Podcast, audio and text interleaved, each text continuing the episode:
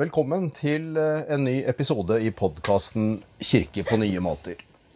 Nå sitter jeg på MF, Vitenskapelig høgskole, snakker med Jan Olav Henriksen, som eh, også har vært gjest i denne podkasten før. Da snakka vi om kristent menneskesyn.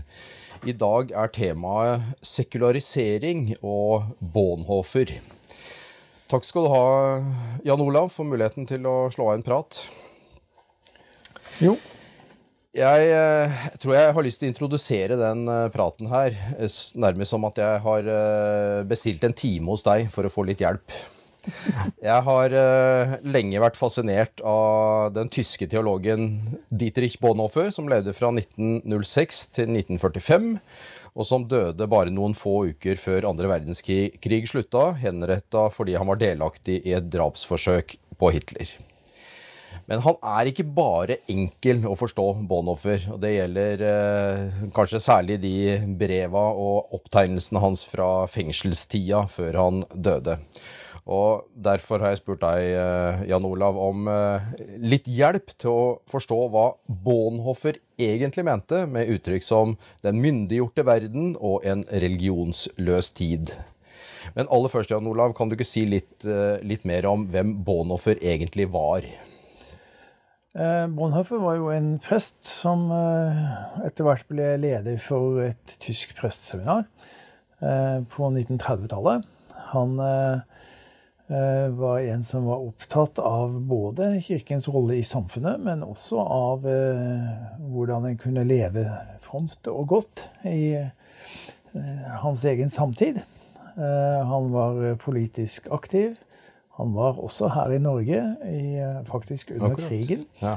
eh, og eh, advarte nordmenn mot det som kunne komme til å skje med jødene i Norge. Og dessverre så var det ingen som liksom klarte å ta de ordentlig alvorlig i tide. Men det forteller noe om Bonhoeffer som en, som en våken fyr som tok ansvar for å varsle om ting som eh, var kritiske og etter hvert forferdelige i hans egen samtid.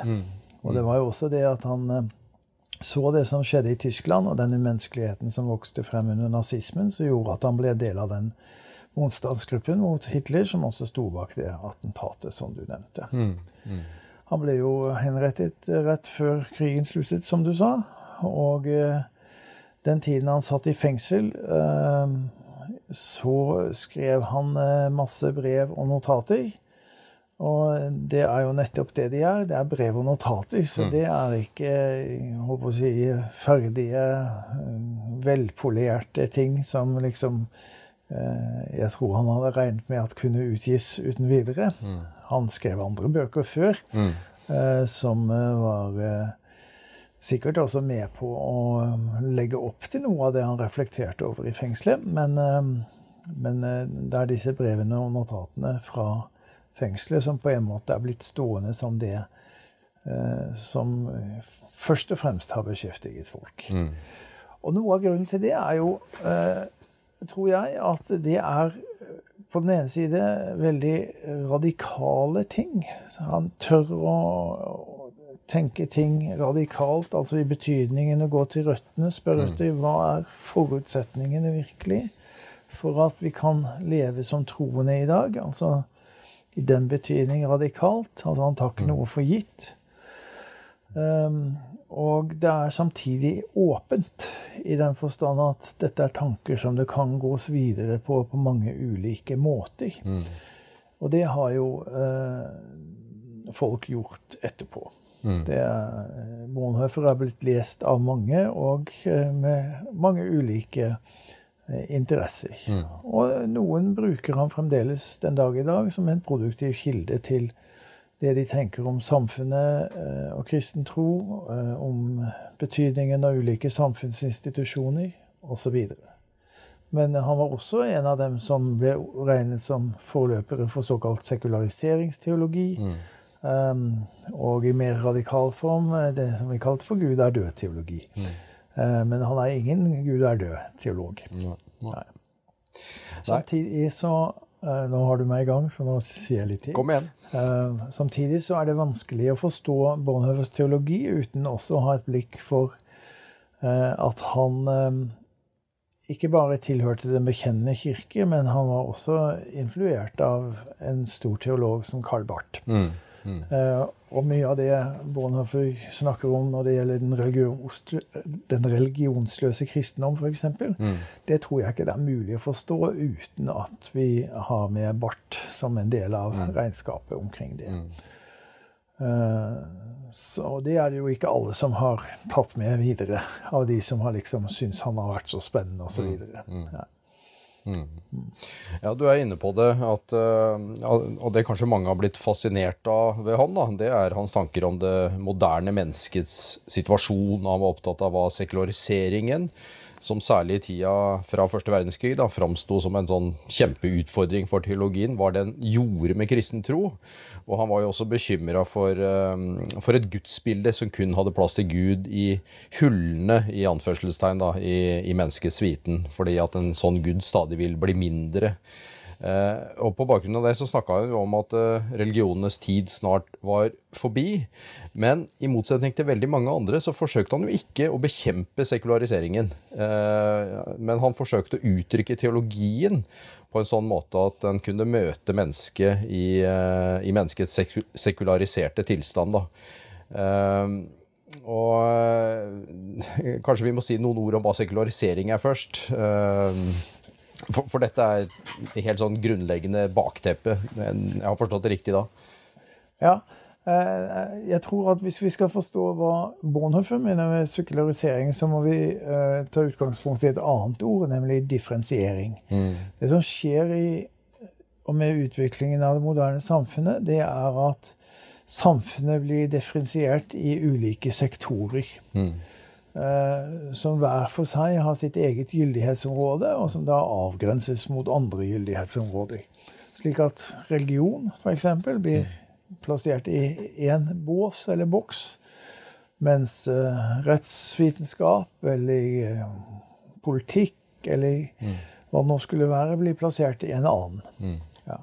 Og i disse andre eh, samfunnsområdene, der er det som uttrykker seg, det er hvordan mennesket vinner stadig større herredømme over verden. Mm. Og Bonhoeffer sier jo da at det som skjer etter hvert som mennesker vinner stadig større herredømme, etablerer mer kunnskap, så blir det rommet der Gud hører hjemme, altså i religionen, mm. så å si, det blir mindre. Mm. Ja. Og det er nettopp den tenkningen han går i rette med. Fordi at det er en måte å tenke på som Eh, på en måte tar eh, det som har med tro å gjøre, og plasserer det utenfor det som har med samfunnsliv og slikt å gjøre. Um, mm. Sånn at den differensieringen i ulike sektorer blir på en måte det som setter opp spillet. Uh, og um, han uh, mener jo det at den måten å tenke på er ikke den som er mest tjenlig. Vi må finne en måte å være kristne på i en sekularisert verden, dvs. Si i en verden der denne tilordningen av religion ikke er slik at religion hører til i et eget rom. Mm, ja. Mm. Nå må det jo sies til det også at religion hos, uh, hos Bonhoeffer er knyttet til det som har med den menneskelige responsen på hva Gud gjør og har gjort å gjøre. Og Dermed så eh, har han ikke noen sånn umiddelbart positiv forståelse av hva religion er. Han skiller mellom religion og tro. Ja. Um, og det er et viktig skille hos ham, kanskje. Mm, mm. Uh, mer viktig hos ham enn det vil være for oss i dag. Um, men det, det, betyr at han vil kunne si at vi, vi, må leve i verden som om Gud ikke finnes. Han sier ikke at fordi Gud ikke finnes, men som om Gud ikke finnes. Mm. Vi må på en måte ta på alvor at den verden vi lever i, den er ikke en der Gud er borte. Men Gud er ikke til på den måten som religion vanligvis har eh, forstått Gud. Mm. Altså som en som plutselig kommer inn ovenfra og griper inn eh, helt på tvers av alt vi ellers vet og kan, og setter alle naturlover eller hva det måtte være, til side. Slik er ikke Gud. Og slik er det Bonhoeffer oppfatter at religionen eh, tenker om Gud. Mm. Og det er han kritisk til. Mm. Ja. Så i stedet for så snakker han da om det myndige mennesket, altså det mennesket som, som tar ansvar for å være i verden, også som troende. Og at det ikke er noen motsetning mellom å være et myndig menneske og å være en troende. Mm. Mm. Mm. Ja, vi går en religionsløs tid i, mye, i, møte, og samtidig så insisterer han jo sterkt på at, uh, at, både Kirken og Jesus, Gud, har noe å si i denne verden. Uh, en oppgave i, uh, i, det religionsløse samfunnet. Og han bruker et uttrykk som at Kristus kan bli den religionsløses herre. Det er jo muligens litt sånn paradoks der, da, men det har jo den, med den forståelsen av religion og tro da, som du, som du snakker om her. Ehm, for en religionsfri kristendom er jo ikke en kristendom uten kirke, bibel, bekjennelse, liturgi og misjon. Han var jo, han var jo selv en dypt forankra kirkens mann, som leste Bibelen, elska gudstjenester og liturgi, og var aktiv i den økumeniske bevegelse i mange, mange år. Mm. Ehm, det er litt vanskelig å få tak i hva dette egentlig handler om. Eh, det er det. Og det er det som er det der åpne i, eh, mm. i eh, Bonhoeffers teologi, som jeg nevnte i stad.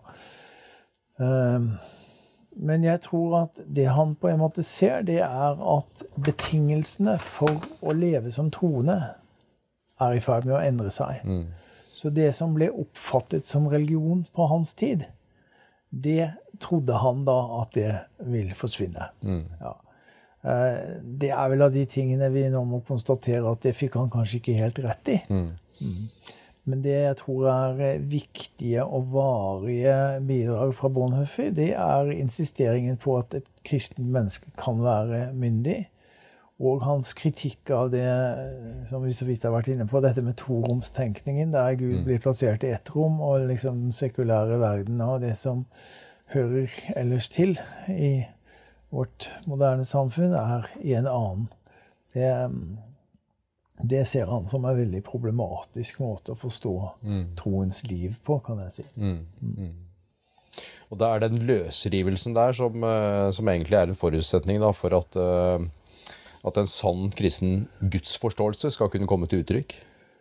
Det tror, jeg, det tror han. Ja, ja. Eh, mens det hvis vi skal være litt sånn kritiske, så tror mm. jeg eh, at det både Bonhoeffer og kanskje også den bartianske teologien på en måte ikke anerkjenner fullt ut, det er hvordan tro alltid trenger å formidles eller medieres mm. gjennom bestemte former for praksis. Mm. Enten det er gudstjeneste eller uh, andre ting. Mm.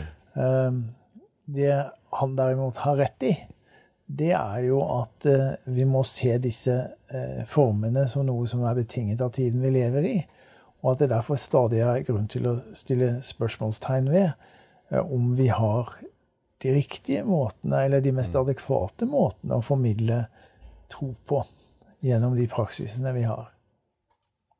Mm, mm. Men hvis du tenker da i forhold til uh, altså norsk uh, kristenhet og norske kirker nå, da. Uh, i, i, forhold til det Bonhoffer eh, snakka om, hvor, hvor, er vi da? Altså, for religionen har jo ikke, den har i hvert fall ikke blitt borte. Nei um, Selv om den har funnet andre ja. former, kanskje? Ja, jeg hører hvor du vil med spørsmålet, men før jeg svarer på ja, det, ja. så tror jeg jeg vil si at uh, en ting som er viktig hos Bonhoeffer, det er jo det at pga. hans våkne oppmerksomhet i forhold til det som skjer i samfunnet, mm. så er han også i stand til å påpeke ting som er problematisk, og tørre å si fra om det. Mm. Selv om det i noen sammenhenger kan oppfattes som politisk. Og det er jo noe som er relevant den mm. dag i dag. Altså mm. Tenk på hvordan folk har reagert på at kirkemøtet til Norsk kirke nå har sagt at vi må slutte med å lete etter mer olje, f.eks. Mm, mm. Det, det er i Bonhoeffers verden og i Kirkemøtets verden, sånn som jeg forstår det, så er ikke det et politisk standpunkt, men det er et standpunkt som er begrunnet i det ansvar som vi som myndige, troende mennesker har for å ta vare på Mm. samfunnet og på kloden som vi lever på. Mm. Ja. Uh, en ting som uh, da Bonhoeffer ikke er så mye inne på, det er jo det som også preger verden i dag, nemlig religionspluralisme. Mm. Um, og jeg tror nok at hvis han hadde vært uh, i stand til på en måte å gjøre de erfaringene som vi i dag gjør med religionsmangfold og sånn, så ville han kanskje ikke ha formulert seg sånn som han gjør om eh, forventningen om den religionsløse fremtid. Nei. Nei. Um, men eh, hvis vi prøver å grave litt etter på hvorfor han snakker om det, så er det jo, sånn som jeg ser det, så er det fordi han ser at ok, betingelsene for å være troende, som jeg sa i stad, de er andre i vår tid enn det de var før. Ja. Sånn at vi, vi må på en måte være, være villige til å anerkjenne at tiden er også med på å forme troen. Mm. Mm. Mm. Og og når han snakker om eh, eh, kristen tro som noe som kanskje mer er en sånn type livsform enn en bekjennelse, så eh, mer, mer en konfrontasjon med Kristus som kaller til etterfølgelse enn en, en lære, så er jo det også med på å åpne. Det er det, ja. Og det, er, det, er, det der stikkordet konfrontasjon er jo viktig. Det er sånn typisk for den dialektiske teologien. sant? For, for Gud sier både ja og nei til det som finnes i, i virkeligheten. Gud sier både ja og nei til religion. Det er typisk eh, poeng i, dialektisk teologi og, bart. Um, og samtidig så er det å vektlegge troen som livsform det er jo noe som, som eh, Bonhoeffer har med seg fra sin tid i prestseminaret. Eh, Og noe av det han skrev der, er jo nettopp knyttet til eh, en måte å leve et fromt liv som, som eh, på en måte tar inn hele verden, men som holder det sammen med troen på Kristus. Og, og dette med det myndiggjorte mennesket, da, det, det ser han jo heller ikke noe eh, teologisk problem i. Ikke i det hele tatt, altså snarere tvert imot. Der vil, vil han vel skille seg fra en del teologkolleger. Ja, Det kommer an på hvem du mener med teologkolleger. Altså, jeg syns jo det er en veldig flott tanke, den han har om det myndige mennesket. Og, eh, og den svarer på en måte til et eh, anliggende som jeg har hatt i mitt arbeid med etikk. Nemlig at dersom vi utvikler en form for lydighetsetikk, der det gjelder bare å finne eh, holdt på å si bud som vi skal lyde i, eh, uten å gå dem etter og spørre hva er begrunnelsen for dem, så fratar vi faktisk oss selv ikke bare myndighet, men også evnen til å utvikle vår egen moralske kompetanse.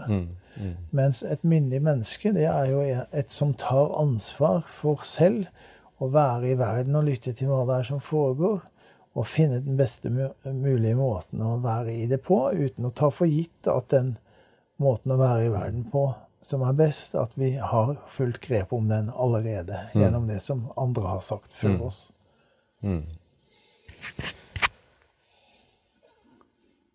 Hvis du skal tenke litt gjennom hvordan, uh, hvordan Bonhoffer har, uh, har prega deg da, som teolog eh, altså Han levde for, nå er det snart 100 år siden. da. Eh, han var aktiv, i hvert fall 80-90 år siden.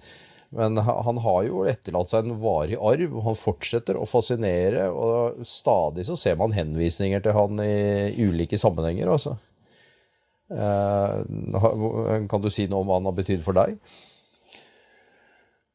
Um, jeg tror at det, i hvert fall to ting jeg da vil fremheve. Det ene er det jeg nettopp nevnte med det myndige mennesket.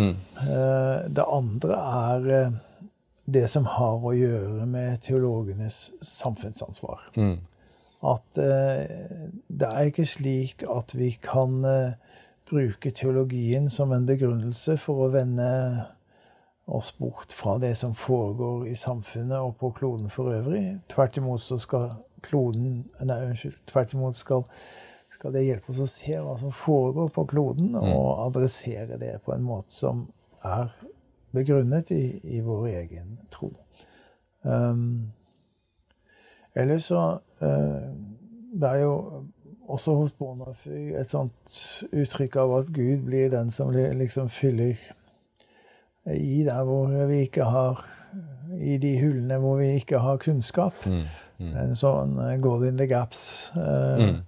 Mm. måte å, å, tenke på. Og den er jo veldig viktig for alle religionsfilosofer å liksom ta et oppgjør med. Mm. Så, mm. så, det er blitt en del av den, eh, eller er en del av den allmennkunnskapen som også Bonhoeffer på en måte er i stand til å artikulere, og som, som jeg tenker er et sånn varig teologisk innsikt. Mm. Vi kan ikke tenke sånn om Gud.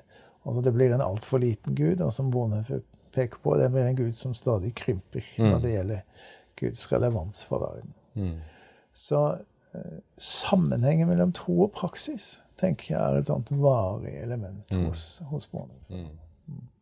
Ja, og I forlengelsen av det så er det vel også eh, eh, Han sier vel noe om at eh, at det er nettopp når man lever helt og fullt i denne verden, at man lærer seg hva tro betyr, og som på en måte setter en i stand til å ta avgjørelser og vurdere alle de tvetydige situasjonene man, man kommer opp i. Da. Nettopp. Mm. Ikke ved å plassere seg utenfor eller i en sektor for seg, eller mm. lulle seg inn i en eller annen kirkelig boble, men ved å være i verden. Mm. Ja. Uh, du nevnte den altså Gud er død-teologien og sånn. Han, han var ikke helt der, men allikevel så Går det an å si at han leverte noen av liksom premissene for, for, noe som ble ført videre av andre seinere, eller? Ja og nei, tror jeg vil si til det. Mm. Altså eh, Han har inspirert mange. Mm. Men han er jo ikke av de teologene som på en måte dannet en skole. Nei. nei. Eh, men eh, det at han hadde denne typen radikal tenkning som lot folk Som tvinger folk til å tenke etter. Mm.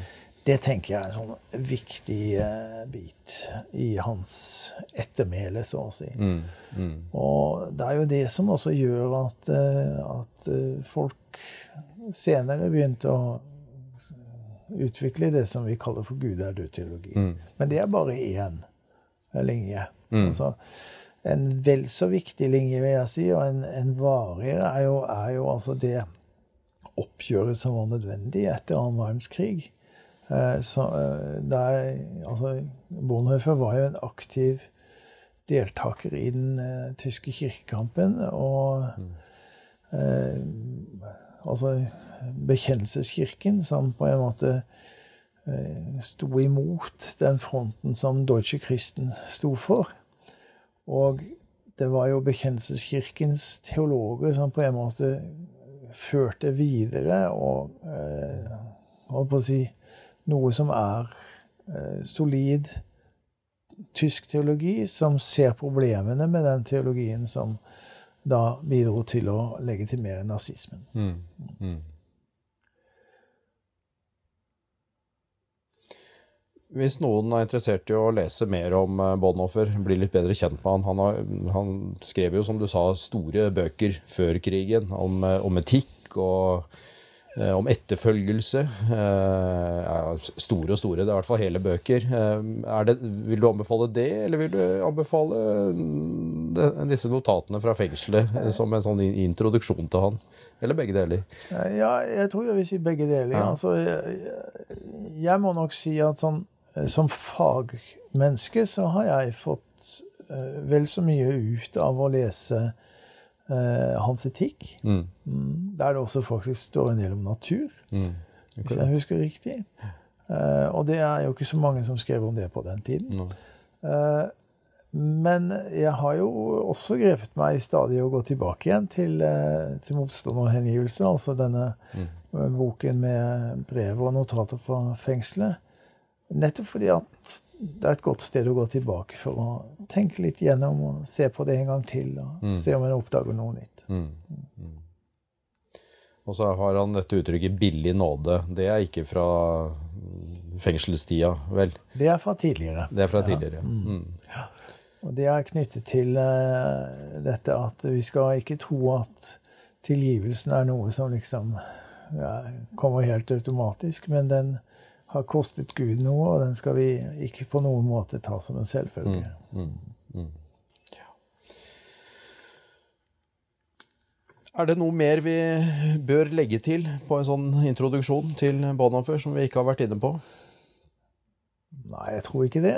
Det viktigste er å lese ham selv. Mm. Tillate seg å bli utfordret. Og tenke etter. Mm. Ja. Da tror jeg jeg sier rett og slett takk.